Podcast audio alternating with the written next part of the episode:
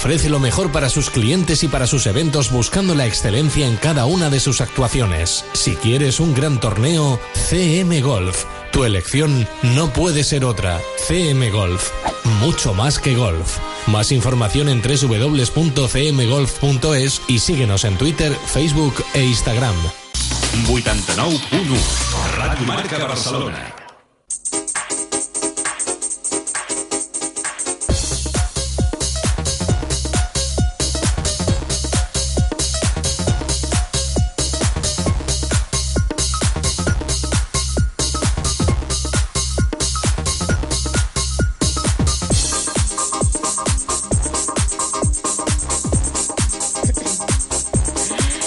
Bon dia, bon dissabte. Comença una nova edició del Dones Marca, esport femení a Radio Marca Barcelona.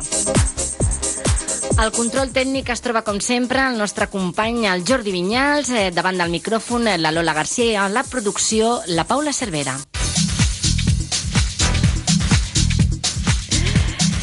I bé, els vull explicar que dimecres passat es va celebrar al CAR de Sant Cugat eh, el Synchro Media Day, organitzat per la Liga 4 Esports i la Federació Espanyola de Natació.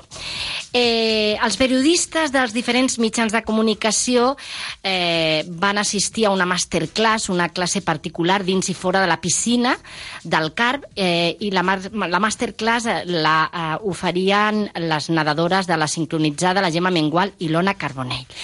El Dones Marca va ser convidat en aquesta masterclass. Eh, jo mm, sé nedar, però no sé, em feia cosa entrar dintre de la piscina amb la Gemma Mengual i l'Ona Carbonell per rebre una classe. Li vaig preguntar al Jordi Vinyals, li vaig dir, Jordi, tu et veus en cor de, de rebre una classe de sincronitzada amb Gemma i Ona? I em va dir que no eh, vaig trucar a la Paula Cervera i li vaig dir, Paula, tu ets capaç d'anar al CAR i fer una classe a, amb les nedadores de sincro? Sí, cap problema. Sí, sí, però hi ha periodistes que estaran fora de la piscina i els que gosin entrar a la piscina podran fer-ho. No, no, dintre de la piscina. I sí, sí, doncs vet aquí que el dimecres la Paula Cervera se'n va, se va anar al car i va seguir les explicacions de les dues esportistes dintre de la piscina. I eh, la Paula Cervera està aquest matí doncs, per explicar-nos aquesta aventura i aquesta masterclass amb, amb les olímpiques, la Gemma Mengual i la Ona Carbonell. Com estàs, Paula? Bon dia, què tal? L'única, l'única, eh? Recuperant-me. Recuperant-te, eh? Sí, sí, que...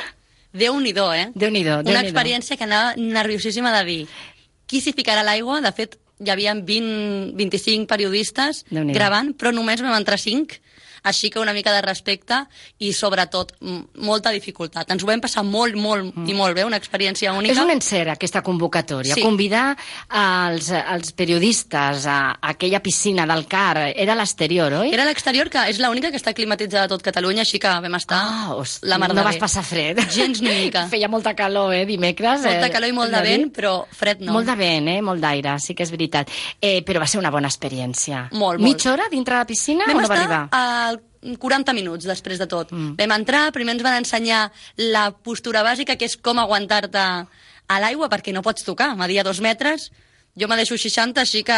No, no, de tocar de peus a terra, ni, ni parlar-ne, no, no. ni de puntetes. A aguantar-te, ens van ensenyar la, el que és la, la taula, que és aguantar-te, doncs, plana sobre de l'aigua, perquè sembla molt fàcil, però, però estan Però té la seva estona. dificultat. Mo I la respiració?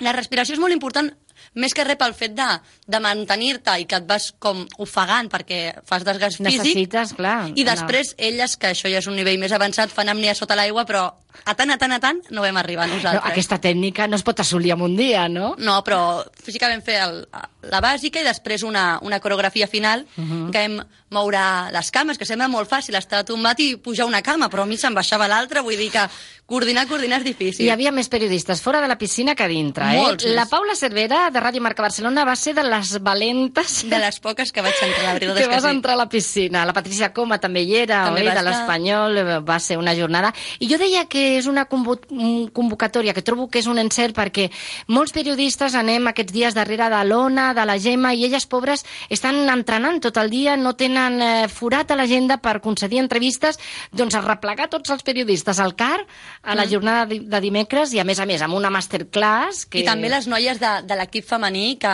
Que hi no eren són allà. tan conegudes, -huh. però noies que entrenen 10 i 12 hores al dia, així que espectacular. Va ser una jornada molt divertida, eh? Molt, molt, molt. Ens ho vam passar molt bé, vam riure molt. Bé, tu has explicat a tothom que has fet una masterclass amb la Gemma Mengual i en l'Ona Carbonell, eh? jo estava amb elles a la piscina i deia, mare meva, el que fan aquestes noies, perquè era molt complicat, voltaretes cap enrere, cap endavant, Oh. salts ben fer també, vull És dir. molt exigent, eh, aquest esport. Moltes hores d'entrenament. No I les noies estan molt fortes i Mhm. perquè entrenen, ja et dic, 10 i 12 hores al dia. Bufava uh, vent perquè hi éreu a la piscina exterior. Durant la conversa que vas mantenir amb totes dues se sent aquest vent, però jo crec que val la pena, no?, escoltar. Jo crec que sí, i Lola, deixa'm que et digui que érem 20 mitjans tranquil·lament i ens van atendre individualment un per un, Ahà. sí que poqueta estona, però a tots individualment. No va ser roda de premsa. no va haver-hi roda de premsa, A no. cadascú, i tu que havies entrat a la piscina, mereixies, eh, aquesta estona amb ella. I tant, i tant, vaig estar segudeta amb ella i això és el que em van dir.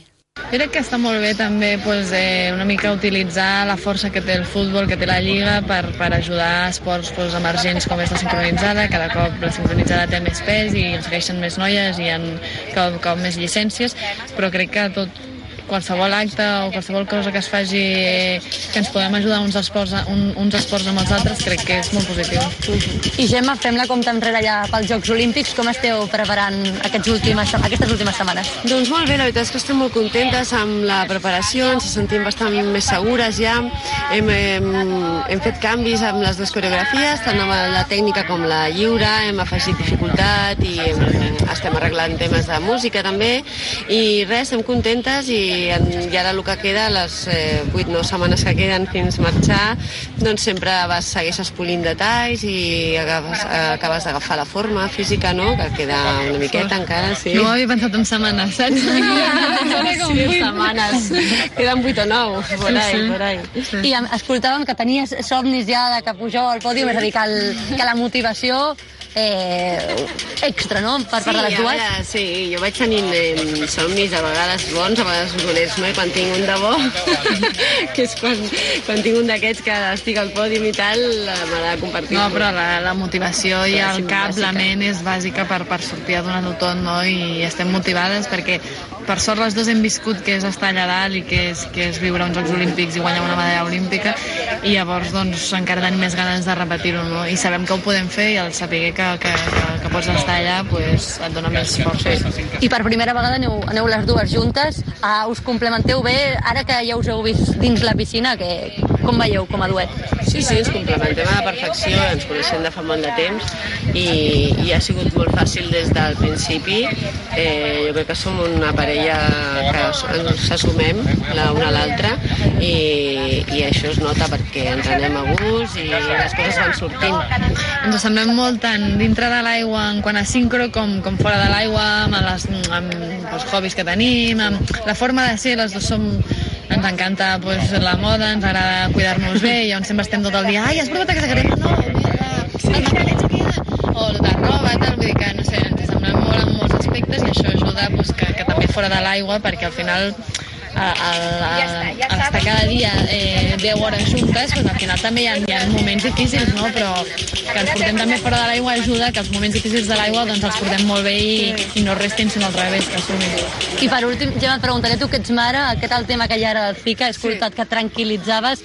Quin missatge pots, pots Sí, donar? jo de tranquil·litat i de, bueno, el que dèiem, no? que realment farem el que ens diguin que hem de fer, no? Si realment tot és tan eh, preocupant, doncs, eh, ja veurem què s'ha de fer. De moment nosaltres estem tranquil·les, sabem que, que si no ens diuen el contrari podem anar tranquil·les i ja està, evidentment jo que aniran els meus fills doncs, ja avisaré no? que vagin amb cuidado, que tal, però ja està.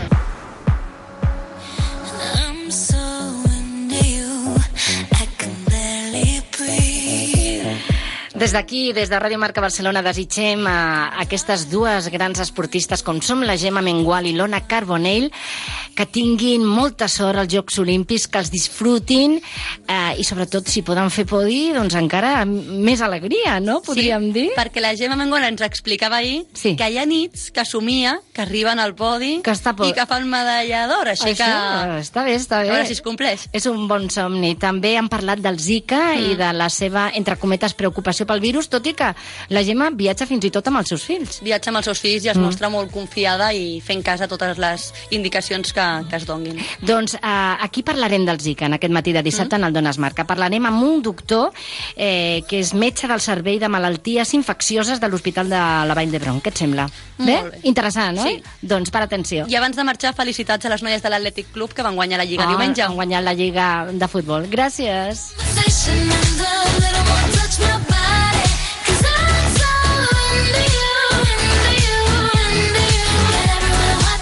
Dones Marca.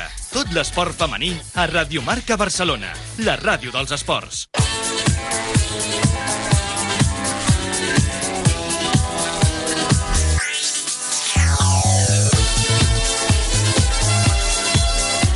Seguim en directe en aquest programa d'esport femení, el Dona a Marca. Hi ha una preocupació creixent sobre el virus Zika, expressada sobretot per esportistes i tècnics eh, que viatjaran a Rio de Janeiro a participar en els Jocs Olímpics. Eh, quin és el risc real d'aquesta malaltia?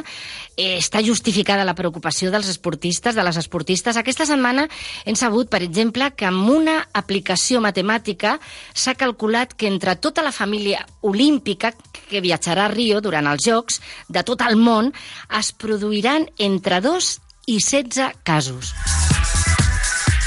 Aquest matí de dissabte, al Dones Marca, volem parlar amb un metge del Servei de Malalties Infeccioses de l'Hospital Vall d'Hebron Prosix Barcelona. Ell és el doctor Fernando Salvador. Molt bon dia, buenos días, doctor Hola, Salvador. Bueno, gracias por atender nuestra llamada.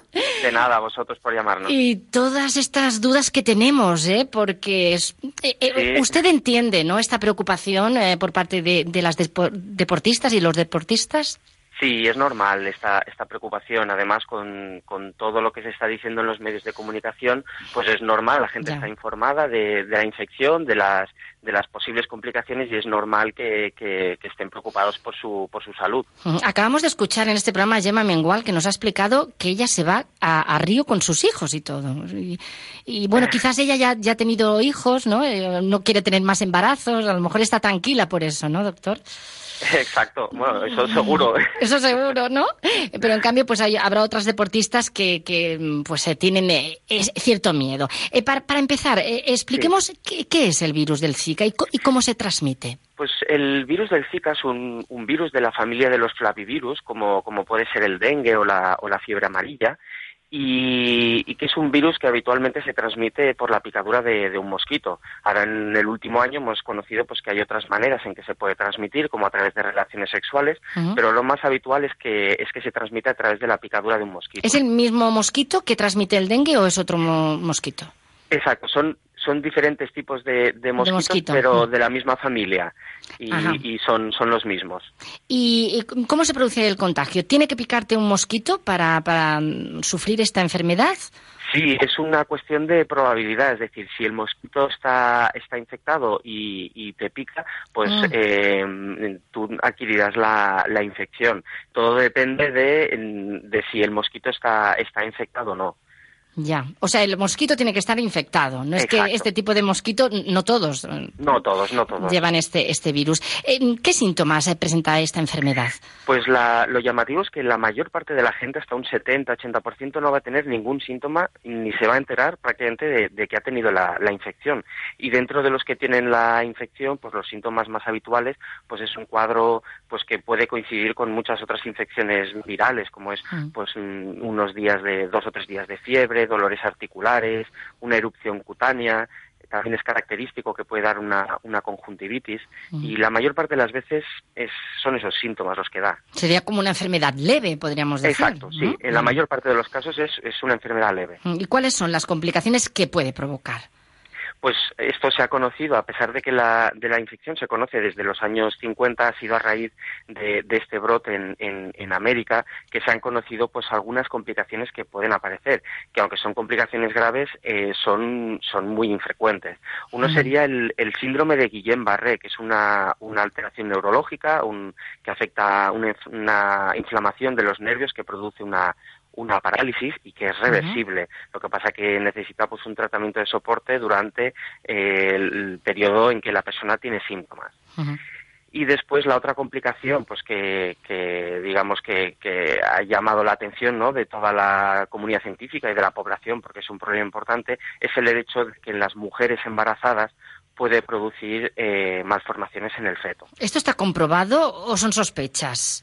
Esto hasta hace poco mm, solo había sospechas, pero, pero ya se ha confirmado en, en mujeres embarazadas que han padecido eh, la infección por el virus de Zika y que han tenido eh, niños con malformaciones y que han muerto y se han hecho autopsias, pues se ha visto Mm. que realmente el virus se detectaba en, en el niño, con- sobre todo en el, en el sistema nervioso central, en el, en el cerebro, y, y se ha visto que, que sí, que es la, que es la causa de, de estas malformaciones. Mm, Puede cruzar la placenta, es eh, de madre Sí. a hijo, es, es Exacto, se puede transmitir a través de- del embarazo de la madre al, al al niño. hijo. Ujú. Eh, esto es lo que preocupa, ¿no? En realidad. Claro, Mm. esta es la situación más, más preocupante. Porque hay hombres eh, deportistas, hombres que dirán, bueno, y a mí me puede pasar algo, eh, por ejemplo, re- relacionándolo con la fertilidad. Sí. ¿podría o no afectar? No, no, no, No. hay, no, no afecta a, a la fertilidad. El, el problema es que los hombres, eh, bueno, se ha visto que, que se puede transmitir, ¿no? Por, también por, por vía sexual. Ya por vía pues, sexual también. Se han dado ya aproximadamente, bueno, unos alrededor de 20 casos eh, de, de enfermedad, de la infección transmitida a través de, de relaciones sexuales y siempre ha sido que la infección se ha transmitido desde una, un hombre que tenía síntomas a su pareja, Ya. nunca de una mujer a un Ah, hombre. Es curioso, ¿no? Este Es dato. curio- Es curioso. Sí, sobre todo porque, bueno, parece que en el, bueno, en el, en, en el semen se puede detectar el, Mm. el virus incluso hasta ocho semanas después de haber eh, finalizado los síntomas. Y depende de la edad, también puede afectar eh, en mayor o menor medida. En principio no, no parece que, que haya una, una preferencia por la edad. Quizás sí que la complicación de, de neurológica del síndrome de Guillain-Barré es más habitual, a pesar de que, de que no es frecuente, es más habitual en hombres y, y adultos, ¿no? Que, que no en niños Que pequeños. no en niños. ¿Y el tratamiento? ¿Cuál es el tratamiento? Mm, Pues el, el tratamiento no hay ningún tratamiento específico, es un tratamiento sintomático como podría ser pues para, mm, para la gripe o para otras infecciones similares como, como el dengue. Es decir, pues tratar los síntomas de dolores articulares, de la fiebre, pues con, con, con paracetamol o con antiinflamatorios, pero nada, nada, nada específico para, para la infección por el virus. Hay una deportista que va a viajar a Río, que, que fue olímpica y además fue la única que ganó medalla de oro en Londres, Sí. eh, doctor Salvador, que ella es eh, Marina Labau. Ella fue Sí. al preolímpico en diciembre y se puso enferma. Eh, se puso enferma, venció la enfermedad unas semanas, se metió en la cama un par de días, un poco de fiebre, un poquito de dolor más muscular. Sí. Eh, al cabo de unos días descubrió que había tenido el Zika. Eh, ella está inmunizada, ella vuelve a los, a los Juegos Olímpicos, ella está inmunizada, no Sí. volverá a desarrollar esta enfermedad. Bueno, cada, yo creo que cada semana vamos teniendo más información sobre, sobre esta infección, ¿no? Porque hasta que no ha habido un brote tan tan in- tan importante no, no hemos podido llegar a tener mucha información. Pero por lo que sabemos, la infección deja una inmunidad de por vida. Es decir, que una persona que padece la infección, en principio ya no, no va a volver a, a tenerla. Ella va va a estar más tranquila que otras muchas Sí, deportistas. desde luego, desde luego. Es curioso porque nos explicaba en este programa eh, que ella, pues, que, que pensó que era una gripe. Dijo, y Sí. tengo la gripe, que llamaba gente, su familia, bueno, ¿qué tal? ¿Te va por Río? Dice, bueno, estoy, estoy con gripe, ¿no? Sí, de hecho es lo, es lo más habitual, ¿eh? Es decir, que es un cuadro pues viral, como una gripe, indistinguible de, de muchas otras infecciones que cursan de esta manera y que son autolimitadas. Mm. ¿Qué le parece este cálculo matemático de, de que entre 2 y 16 casos? Hombre, es bas- bastante interesante, pero bueno, me imagino que lo habrán hecho, lo habrán hecho experto- expertos con modelos matemáticos y, y bueno, no es de extrañar que, que, que con toda la toda la gente que va a ir ahí a Río de, de- de la delegación no olímpica, pues a- alguno pueda tener una infección por, por Zika o incluso también por otras infecciones como podría ser el dengue o otras infecciones endémicas también en, en Brasil. Claro. Mm. ¿Y las medidas profilácticas, eh, mm, cuáles son? es lo que se aconseja a cualquier viajero que vaya a una zona donde haya infecciones que se puedan transmitir por mosquitos, que son las medidas antimosquito, es decir, eh, utilizar un repelente antimosquito, en determinadas horas del día pues intentar llevar la mayor parte del cuerpo cubierta por, por ropa, en zonas donde haya mucha eh, cantidad de mosquitos pues incluso dormir bajo una, una mosquitera. Estas serían las medidas más importantes. Ya. Eh, ¿Hay algún método oral para la prevención o todo pasa por el repelente e ir bien todo, cubierto? todo pasa por el repelente. De momento, desafortunadamente, no, no tenemos nada de, a, a nivel oral ¿no? para poder prevenir este tipo de Eh, infecciones. Pero mi duda es, eh, mm, yo soy deportista, me pongo Sí. repelente, pero entonces voy y compito y entonces sudo. ¿Ese repelente también lo expulsas en parte o Bueno, será cuestión de ponerse, de ponerse mucho? más. De, de crear una gran capa, ¿no? Exacto, sí. Yo no sé quién va a comercializar este repelente, pero bueno, menudo negocio. menudo negocio. Está muy bien. Pues, eh, doctor Salvador, yo no sé si tiene familiares, amigos, alguien que va a ir a Brasil, pero me imagino que... Yo creo que no, aunque por ganas no, no será. Pero bueno, la- las medidas, no, hay que quitarle un poco de hierro, ¿no? O Sí, que, que no haya tanta sí. preocupación. A veces lo- los medios de comunicación contribuimos eh, a alarmar un poco y me Sí, hago la hombre, autocrítica. que, que es importante que, que la población esté, esté informada y desde luego los medios de comunicación aquí pues tienen un papel fundamental, pero que quizá hay que poner un poco las cosas en su sitio y no no alarmar mm, demasiado a la población, es decir, eh, la infección por el Zika como por el dengue la mayor parte de las veces va a ser un cuadro un- asintomático o un cuadro banal y estas complicaciones que pueden aparecer pues van a ser una muy pequeña proporción de, de personas. Mm. Pues doctor Fernando Salvador, eh, eh, médico del Servicio de Enfermedades Infecciosas del Hospital Vall d'Hebron Prosix Barcelona, muchas gracias por participar en este programa de deporte femenino y sobre todo por responder a estas dudas, preguntas ¿no? que nos provoca esta enfermedad y bueno, conocer eh, el, el riesgo real que tiene, ¿eh? conocer el riesgo real. ¿eh? No vamos Bueno. a dejarnos llevar por el alarmismo. Muchísimas Muchas- gracias y buen gracias sábado. gracias, igualmente. gracias. Adiós.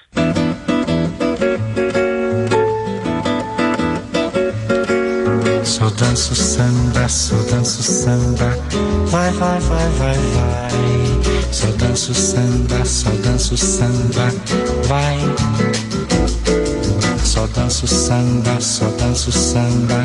Vai, vai, vai, vai, vai. Só danço samba, só danço samba. Vai. Já dancei o twist até demais. Mas não sei, me cansei do calypso ao tchá-tchá-tchá. Só danço samba, só danço samba.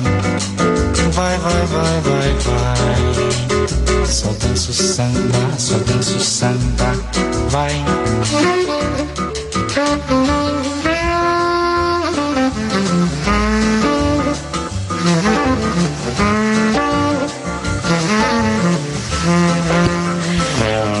Calendari continua corrent i els Jocs Olímpics estan cada cop més a prop. Una de les esportistes espanyoles que anirà a Rio més tranquil·la, ho acabem de parlar amb el doctor Fernando Salvador, és la Marina Lavau, medalla d'or de windsurf a Londres en 2012. La Marina va anar al preolímpic al Brasil al desembre i allà va caure malalta creient que era una grip va estar uns dies eh, fent llit i ho va poder superar. Després va saber que el que havia tingut era el Zika. Nosaltres en aquest programa eh, la vam entrevistar, vam parlar amb ella d'aquell preolímpic i ella ens va explicar eh, com havia viscut aquesta malaltia. Maria Semblàs, com estàs? Molt bon dia, Lola, bé. Hem volgut recuperar una part d'aquella entrevista, no?, de les coses que va dir a- al Don Esmarca, no? Exactament, en aquella entrevista ella explicava que quan va contraure el Zika encara no era una malaltia molt coneguda.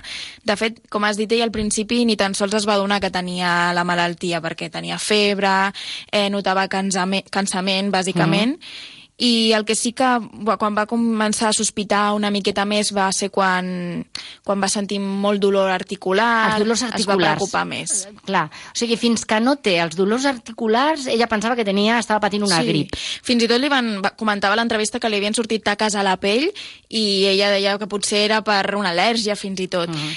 I, però bé, és el que deia, que no, que no es pensava que tenia el Zika.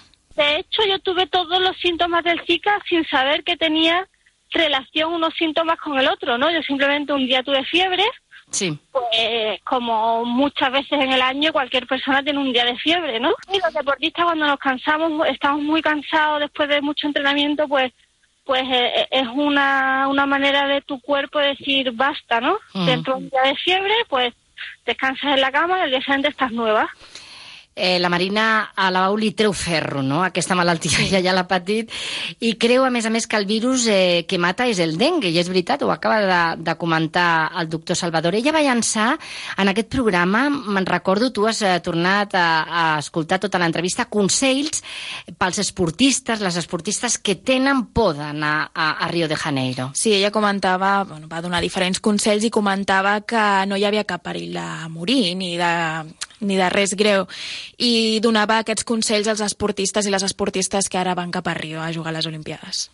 No, yo diría que duerman con mosquiteras, que se pongan un antimosquito y que bueno, que si que lo único malo del Zika son los, los dolores articulares que duran tres días, que si te pilla durante la competición sí que Mm, te trabaja. Pero así como, como, como persona normal, o sea, si es un deportista que está compitiendo en los Juegos Olímpicos, pues sí es una zona muy grande. Pero que como, como persona normal no es un virus sin, sin mayor importancia. Eh, està tranquil·la i, a més a més, està immunitzada. Mm, Exacte. Eh, acabem de parlar amb el doctor i hem parlat d'ella i ella ja pot estar tranquil·la. És de les esportistes que va a Rio, que va... Va més tranquil·la, Que va més potser. tranquil·la perquè ja, ja ha patit a- aquesta malaltia. Eh, Maria, bon cap de setmana. Faràs algun esport? Eh, T'espera alguna competició? Algun campionat? Sí, bueno, sempre Natació, intentarem. natació, sí, no? la A tu- natació A m'agrada. tu t'agrada sí, la sí. natació. Moltes gràcies. Gràcies a tu, Lola.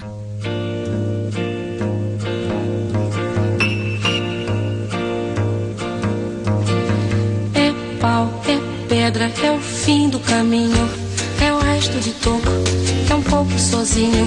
É um caco de vidro, é a vida, é o sol. É a noite, é a morte, é o laço, é o anzol. É peroba do Bé, nosaltres posem el punt i final i tornarem eh, dissabte vinent amb una altra edició del Dones Marca. Una edició també especial, perquè parlarem de la participació femenina eh, espanyola als Jocs Olímpics, amb la qual cosa seguim amb el tema Rio de Janeiro.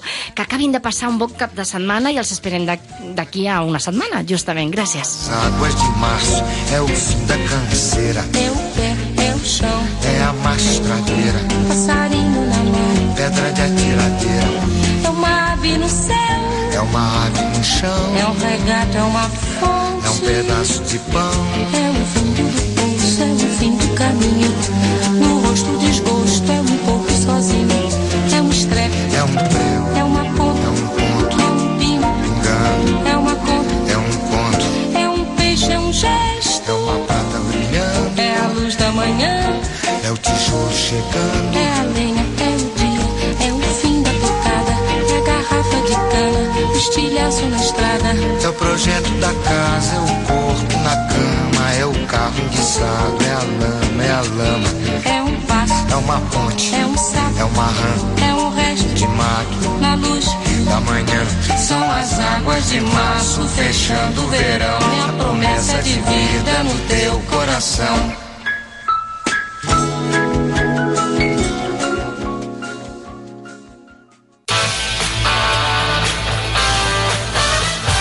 Estàs escoltant Ràdio Marca Barcelona, 89.1.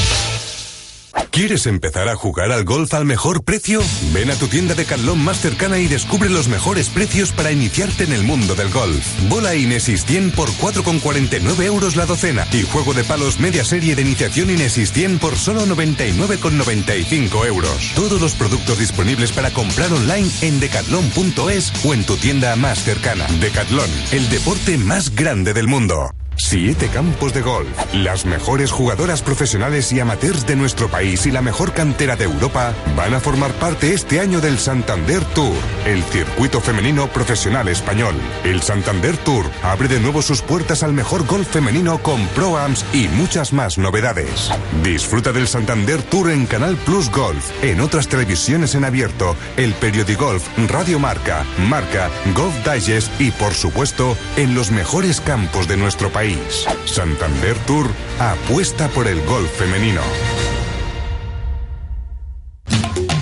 Conoce el campo de golf palmo a palmo gracias a los gráficos exclusivos del nuevo TomTom Golfer. Un reloj completo y sencillo con un botón de control único, medidor de distancias y vistas del green, con un diseño ultra fino, pantalla extra grande, descripción de obstáculos, seguimiento de la vuelta y más de 40.000 campos en su memoria. TomTom Golfer lleva el golf a otro nivel.